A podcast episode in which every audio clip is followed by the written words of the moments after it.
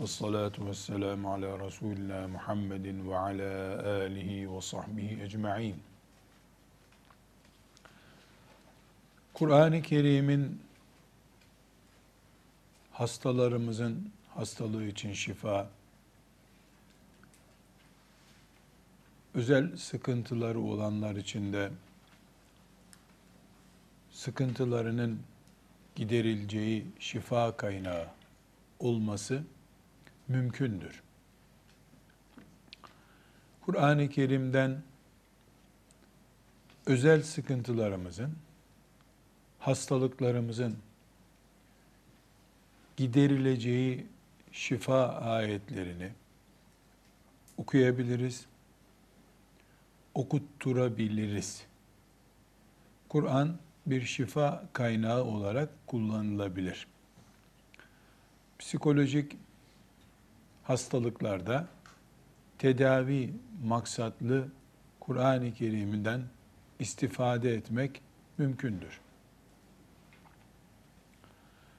Kur'an-ı Kerim'de bir kere Allahu Teala insanların dertlerine Kur'an'ın şifa olduğunu haber veriyor yüreklerdeki, göğüslerdeki sıkıntıların şifasının Kur'an'da olduğu fihi şifaun ifadesiyle haber verilmektedir. Ancak Kur'an-ı Kerim'den şifa maksatlı istifade, özel korunma maksatlı istifade, tarih boyunca suistimal edilmiş meselelerden biridir. O kadar ki Kur'an-ı Kerim gibi muazzam bir hürmet gerektiren kitaba saygısızlık addedilecek. Çirkin kabul edilecek işler bile yapılmıştır sadece sadece örnek olması ve su istimal edildiği zaman ne kadar hatalı iş yapılacağının anlaşılması bakımından özellikle e, zikretmek istiyorum. Yoksa böyle bir ilim meclisinde anılması bile çirkin bir şey. Mesela filanca hastalık iyi olsun diye Kur'an'dan istifade edecek diye birisine gidiliyor. O da diyor ki yılan kanı getireceksin diyor. Bir yolla yılan kanı buluyorlar. Yılan bildiğimiz yılan. Bununla ayetel kürsüyü yazıyor. Yılan kanıyla. İşte o ayetel kürsüyü yılan kanıyla yazıyor bir çanağa. Onu suyla çalkalıyorlar. Hasta onu içince bitiyor. Kanser, manser hiçbir şey hastalık kalmıyor artık diye inanılıyor. Halbuki Kur'an kanı necis görüyor. İnsan kanı, hayvan mesela koyun kanı hangisi olursa olsun kan necistir. Yılan dubleks necistir. Pis oğlu pis. Kur'an kanı necis görüyor. Tuttuğun zaman namaz kılamazsın diyor. Çamaşırına değdiği zaman, bedenine değdiği zaman namazın olmaz diyor. Onunla ayetel kürsi gibi yerler gökler ağırlığında muhteşem bir ayet yazılacak bu ne kadar abes bir şey. Kan içmek caiz değil. Onunla tedavi olacak ikinci abes bir iş. Kur'an-ı Kerim'le şifa bulmak haktır. Hadis-i şerifler var. Kur'an'ın kendisinde ayetler var. Bu Kur'an şifa kaynağıdır diye. Ama su istimal edip haram olacak bir işi tedavi maksadıyla Kur'an'ı alet ederek bu işe yapmak asla kabul edilebilir bir şey değildir. İki şeyi perçinleyelim. Birincisi Kur'an-ı Kerim'deki her şeyin şifasıdır ifadesi. Elbette bir toplumun düzelmesinin kaynağıdır. İnsanların ahlakının kaynağıdır. Ahlaksızlığın şifasıdır. Yanlış yerlerde sürünmenin ve sürtünmenin düzelmesi için şifadır anlamı da taşıyor. Yani hospital manası yüklenmez bu ayete. Hastane, Kur'an-ı Kerim hastane kullanma kılavuzudur demek değil. İçinde sözünü ettiğimiz işte psikolojik olarak adlandırılan hastalıkların bulunduğu bir sıkıntıya da tedavidir Kur'an-ı Kerim. Toplumun düzelmesi, hasta kabul edilecek toplum olmasına, bireylerin insani kimliklerinde sıkıntı olduğunu kabul edeceğimiz yapıyı düzeltmeye de şifadır Kur'an-ı Kerim. Yani bir maddi, manevi şifa kaynağıdır demek Kur'an-ı Kerim'de. Yani Kur'an'da sizin göğüslerinizdeki şeylerin e, şifası vardır. Kur'an sizin şifa kaynağınızdır şeklindeki ayet herhalde sadece cin çarpmasına karşı Kur'an okumaktan söz etmiyor. E, aynı şekilde insanların iyi kul olmaları için gereken kaynak da Kur'an-ı Kerim'dir. Ahlaktan, ibadetten, akideden nereden yakalayacaksak orada Kur'an-ı Kerim kaynaktır. Bu bir. İkinci olarak Kur'an-ı Kerim mesela yolda düşüp kolu kırılan, kemiği kırılan birisi hasta olarak hastadır. Ancak bu mekanik diyeceğimiz bir hastalıktır. Fiziksel boyutu olan hastalıktır. Yani parmak kırılmış, kol kırılmış, bu görünüyor, tıkır tıkır oynuyor burada. Fatiha'yı okuyup yapınca iyileşecek diyemeyiz. Bu Kur'an-ı Kerim'le şifa bulmak değil, Kur'an-ı Kerim'le oyalanmak olur. Kullar, Allah'ın kulları maddi olarak bir şey yapabilecekleri zaman onu yapmak zorundadırlar. Tıpkı bir Müslüman camide oturup akşama kadar Kur'an okuyarak karnını doyuramayacağı gibi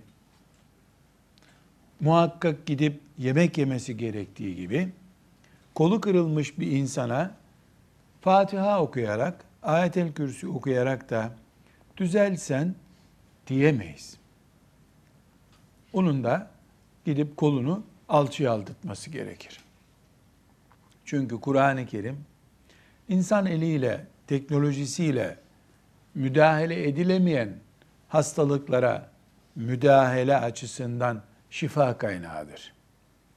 Buna psikolojik hastalıklar adını verebiliriz veya benzeri insanın iç bünyesinde e, ultrasyonla incelenip görülemeyen bölümündeki hastalıklara şifa kaynağıdır deriz. Peki bu şifa kaynağı olduğu bölüm insanın ne kadarını oluşturuyor? Her şeyini oluşturuyor. Şimdi şu şekilde anlayabiliriz. Yani bir kol kırıklığına Kur'an şifa kaynağıdır değil. Olmaz diyoruz. Git kolunu alçıya koydurt. Ama alçıda iken eyvah ben bir ay sağ kolumu kullanamayacağım. İşten güçten oldum. Eyvah ben çocuk seviyesine düştüm. Ne edeceğim ben şimdi diye ahu figan ederek e, hepten hayatını zehir edebilir kendisine. Yani evet fiziki bir tedavi bu. Alçıya konup tedavi edilmesi gerekiyor. Ama bunun bir kolun kırıldı, bir ay sonra sağlam adam olacaksın merak etme. Sol kolunla da idare edersin şeklinde bir morale, maneviyata ihtiyacı vardır. Kur'an bunu sağlar. Filan ayetleri oku, Allah'ın izniyle rahat edersin denebilir. Ama burada hastalığın iki boyutuna dikkat çekiyoruz. Kırılmış kolun tedavisi, kırılmış kolun sahibinin beyninin kırılmaması. Koluyla beraber beyni de kırıldı mı kolunu da kaybetmiş olacak. Beynini, moralini de kaybetmiş olacak. Böylece bu Müslüman çift zararla yaşayacak. Hiçbir şey olmamış gibi devam edebileceği ortamı Kur'an sağlayabilir. Sadece bu tür hastalıklar için değil, insanın iç korkularının kaybolmasında da ve bir güven ortamı hissetmesinde de Kur'an-ı Kerim şifa kaynağıdır. Elbette, elbette, bu elbetteyi kalın harflerle yazıyorum. Allah'ı denemek için bunu yapana Kur'an hiç şifa değildir. Ashab-ı kiram okumuşlar da Fatiha onlara şifa olmuş. Yahu ben de bir deneyeyim bakalım tutar mı diye kul Rabbini test etmez. Edemez.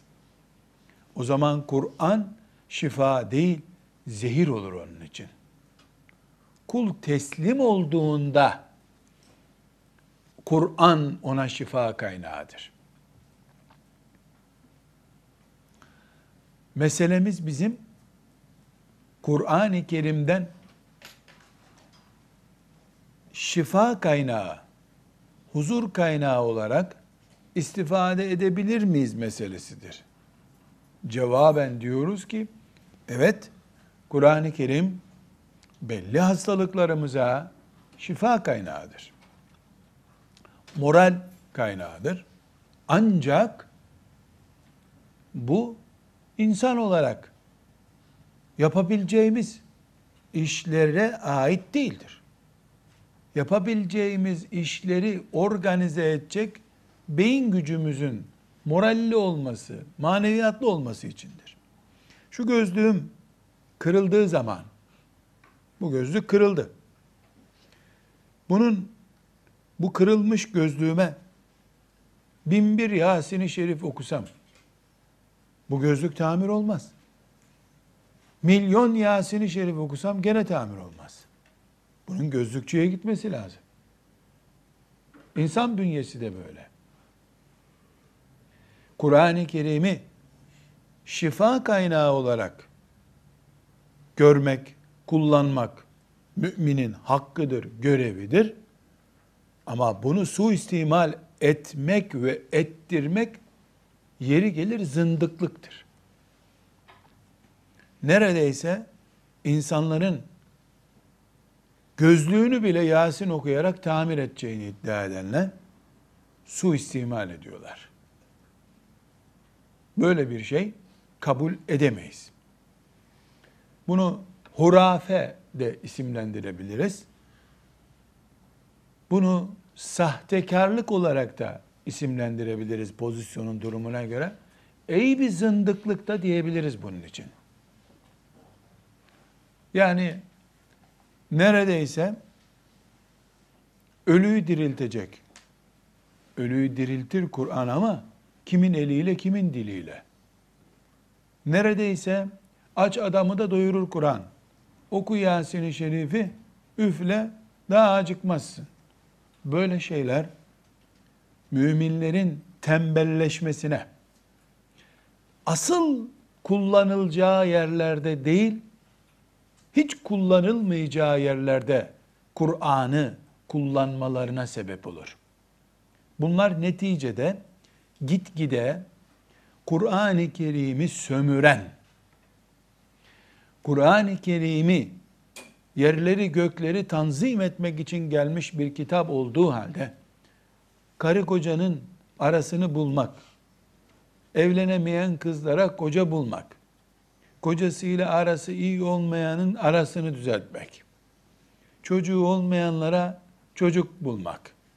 Çocuğu yaramaz olanların çocuğunun islahını sağlamak. Uzayda bile söylenemeyecek kadar adi ve seviyesiz sözleri Kur'an'a mal etmek ciddi bir sahtekarlıktır. Kur'an gibi bir kitaba hürmetimiz açısından büyük saygısızlıktır. Bunu yapanların istiğfar etmeleri gerekir. Kur'an haşa büyücü kitabı değildir. Nüfus müdürlüğü değildir. Kim kimle evlenecek? Nüfus müdürlüğü tutanakları değildir Kur'an-ı Kerim.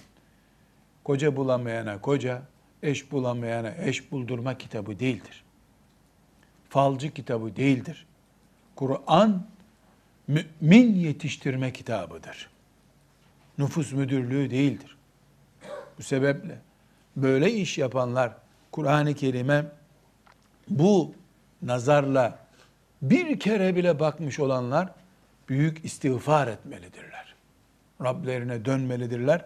Çünkü bu yapılan şey Kur'an-ı Kerim'e karşı laubaliliktir. En iyi söyleyebileceğim söz budur. Kur'an-ı Kerim'e karşı laubalilik yapılmış olur. Bu Kur'an-ı Kerim'e karşı yapılmış olan laubalilik istiğfarı gerektirir. Eğer imandan çıkarmadıysa, eğer imandan çıkaracak bir tehlike ki bu da mümkündür. Kur'an-ı Kerim ki onu tertemiz melekler, tertemiz bir peygambere aleyhissalatü vesselam indirdiler. Müminler yani şunu mesela haya ederek, utanarak söylüyorum. İşte filanca iş düzelsin diye domuz yağıyla e, ayetel kürsü yazıyorsun, Fatiha yazıyorsun. Onu domuz yağının içine koyuyorsun. O adamın evinde bir köşeye koyuyorsun. Şeytanın bile aklına gelmemiştir. O da yani iyi bir ödül vererek memnun olmuştur bu işi icat edenden. Domuz ki Kur'an-ı Kerim'in necis, pis, hiçbir şekilde temiz olmayacağını söylediği bir kitaptır. Allah'ın ayetiyle bu o ayetlerin pis, necis dediği şey bir araya gelecek ve bundan da çocuğu olmayanın çocuğu olacak. Böyle şeyleri Müslüman yapamaz. Yapanı Müslüman bir dost olarak göremez. Kur'an'ımızın onurunu korumak bizim görevimiz değil mi? Sadece Yahudi, Haçlı zihniyetindekiler Kur'an'a saldırdığı zaman mı Kur'an-ı Kerim'imizi korumak aklımıza gelecek bizim? Ha Siyonist, Yahudi Kur'an'ıma hakaret etmiş, ha Müslüman olduğunu söyleyen ama Kur'an-ı Kerim'i bu şekilde zevkine alet eden birisi bunu yapmış. Hiç önemli değil. Kur'an büyücü kitabı değildir. Hastane kataloğu değildir. Kur'an-ı Kerim ruhların şifa kaynağıdır. Ruhi hastalıkların kaynağıdır. Pek çok psikolojik hastalıkta bu sözünü ettiğimiz şifaya dahil değildir. Neden? Çünkü psikolojik hastalıkların yani psikiyatriyi gerektiren hastalıkların çok önemli bir bölümü organiktir. Yani beyindeki veya filan yerdeki belli bir zafiyetten, hastalıktan kaynaklanmaktadır. Yani kişinin mesela düşmüştür, düştüğünde hafif bir beyin kanaması gibi bir şey getirmiştir. Nörolojik bir vakadır bu. Bunu okuyarak geçirmek evet mümkündür. Ebu Bekir'i bulsan, Ömer'i bulsan, Übey ibn Kâb'ı bulsan, Enes ibn Malik'i bulsan, alimallah 300 yıllık ölü de kalkar mezardan o zaman. Rivayet ederler, e, ciddi kaynağını bilmiyorum. E, adamın birisi ashab-ı kiramdan sonraki nesilden yani tabi neslinden birisi e, yılan sokmuş birisini görmüş. E, yahu demiş ben bunu iyi ederim demiş. Fatiha-i Şerifi okumaya başlamış. Okumuş okumuş adam gidiyor. Biraz daha okumuş hiç iyi değil adam. Yahu demişler sen bizi oyalıyorsun. Hiç iyileşeceği yok bu adamın. Zehirlendi gidiyor işte. Yahu demiş ben de anlamadım. Ömer bin Hattab'ı gördüm ben demiş. Yine böyle bir yılan zehirlemiş bir adama Fatiha okudu adam ayağa kalktı ya. Aynı Fatiha'yı okuyorum olmuyor demiş. Oradaki birisinin cevabı çok muhteşem. Ona demiş ki kardeşim Fatiha aynı Fatiha ama Ömer nerede demiş. Tamam Fatiha'yı okuyorsun sen ama Ömer okumuyor Fatiha'yı. Bu Fatiha'yı okuyan adam başkası. Yani mesele sadece Kur'an-ı Kerim okumak meselesi değil, ağız meselesi de var. Biraz önceki ağız hangi ağızdı da şimdi Fatiha okuyacak da hasta iyileşecek? Şu kadar ince bir ayar örneği vereyim. Şimdi mesela Kur'an-ı Azimuşşan'ımızı okuyoruz. Kur'an-ı Azimuşşan'ı okumak şifadır. Filan sureyi biraz örnek vereceğim inşallah. Birkaç sureden örnek vereceğim. Okumak şifa şifadır. Doğru. Mesela Fatiha suresini okuyorsun, Ayet-el Kürsü'yü okuyorsun, filan cin vakasından, filan hastalıktan biiznillah şifadır diyoruz. Burada bile Allah'ın kitabı Kur'an'ı okurken bile tevekkülü kaybetsen asıl zincirden kopmuş olursun. Fatiha veya ayetel kürsi değildir şifa olan. Allah'tır yine şifa olan. Ayetel kürsüydi, Fatiha'ydı, filan e, sure idi. Senin şifana Allah onu vesile etmektedir. Sen Rabbinin kelamı ile Rabbine sığınmış oluyorsun.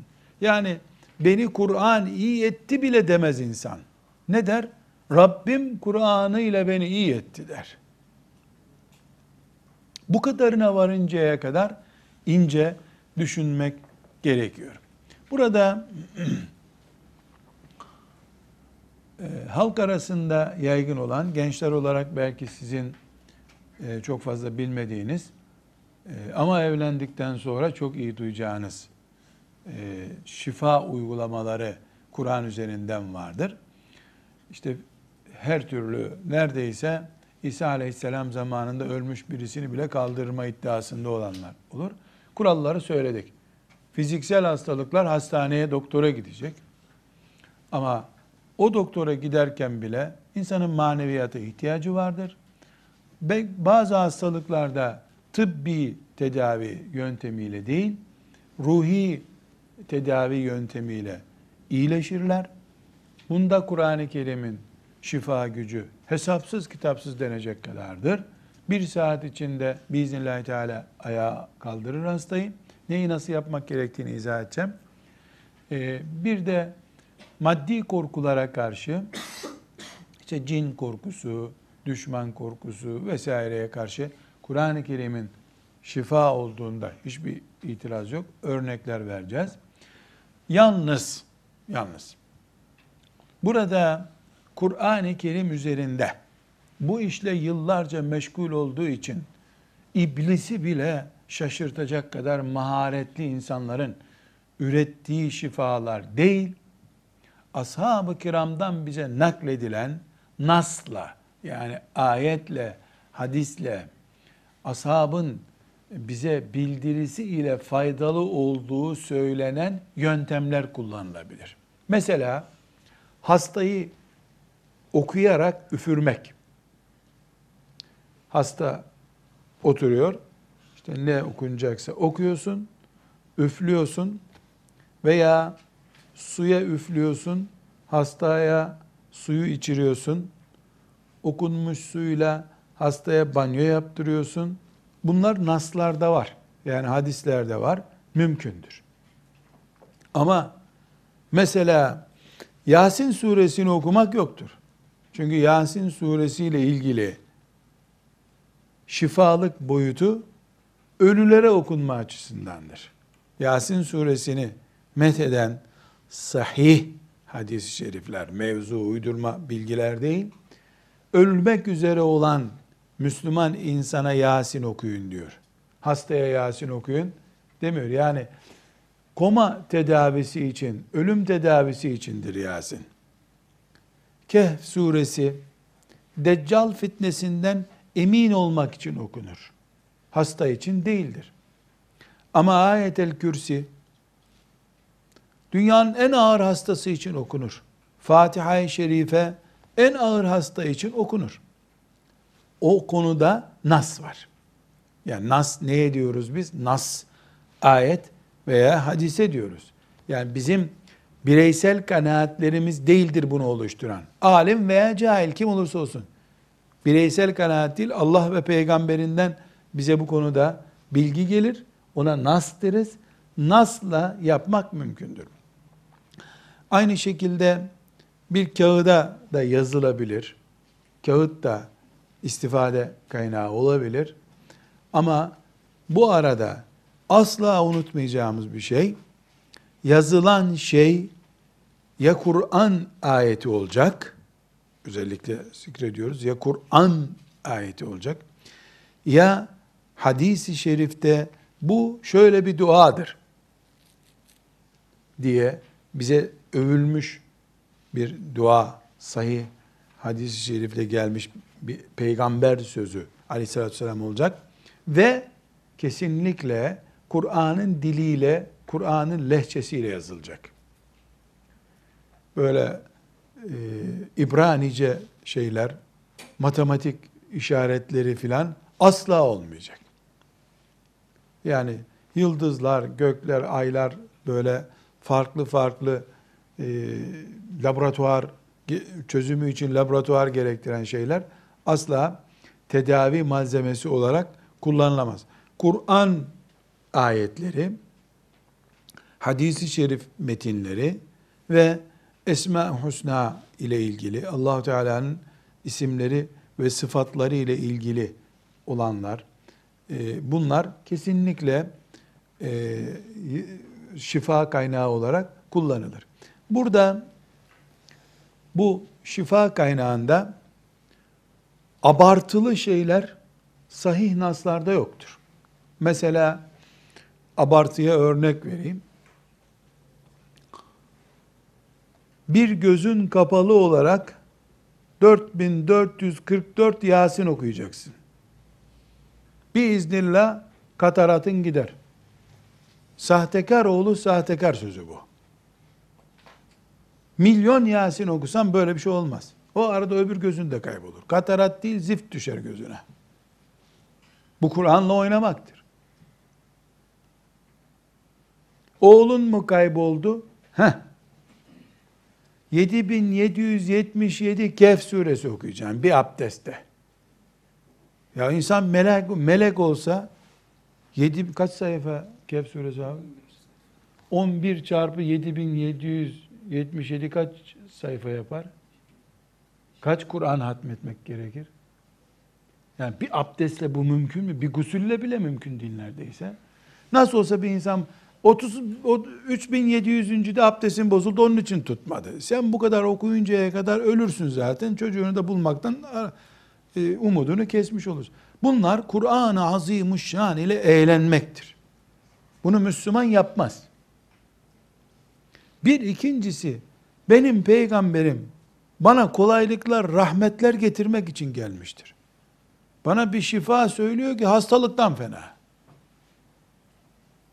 Mesela Bakara Sure-i Celilesi iki buçuk cüz değil mi? Evet. İki buçuk cüz. Bir, iki buçuk cüz Kur'an-ı Kerim'de Resulullah sallallahu aleyhi ve sellem onu göreceğiz. Bakara suresini okuyun, şeytandan kurtulun evinizde diyor. Şimdi evimizde çok yangın çıkıyor. Kur'an'dan bir çağrı var. Ne yapacağız? Bakara suresini ayet sayısı kadar hatmedeceksin. 286 ayet mi? 286 Bakara suresi okuyacaksın. Ama bir köşesinde evin. Evin köşeleri var ya, bir köşesinde 286 kere Bakara suresi okuyacaksın. Ev kaç köşe? 4 köşe. 4 çarpı 286 kaç sayfa yapıyor? üzerinde. Tek abdestle bunlar. İki hatim olacak tek abdestle ne yapacak adam? Kan şekerinden zaten bir saat sonra bayılıp gidecek. Ev gene yandı. E sen abdestini bozdun Bakara suresini okurken. Kur'an kimsenin iblislik yapması için kaynak değildir. Kur'an rahmettir. Hiç benim peygamberim sallallahu aleyhi ve sellem bize rahmet olmak için gelmiş peygamberim yapılamayacak, edilemeyecek bir işi şifa olarak gösterir mi? Belli ki sömürüyor. Öyle bir şey de söylüyor ki muhakkak sen hata yapacaksın. Hata yapınca da kabahat senin. Biz tam sana orijinal tarif etmiştik diyecek. Her halükarda mümin basiretli insandır. Mümin Allah'ın kuludur. Allah'ın verdiği derdi Allah'ın kitabıyla çözmeye çalışır ama Allah'ı deneyerek haşa kafasından uydurarak sahtekarlara uyarak değil. Resulullah bir şeyi gösterdiyse aleyhissalatü vesselam ashab-ı kiram bir şeyi yaptıysa onu yaparak bunlardan örnekler vereceğiz inşallah. Velhamdülillahi Rabbil Alemin.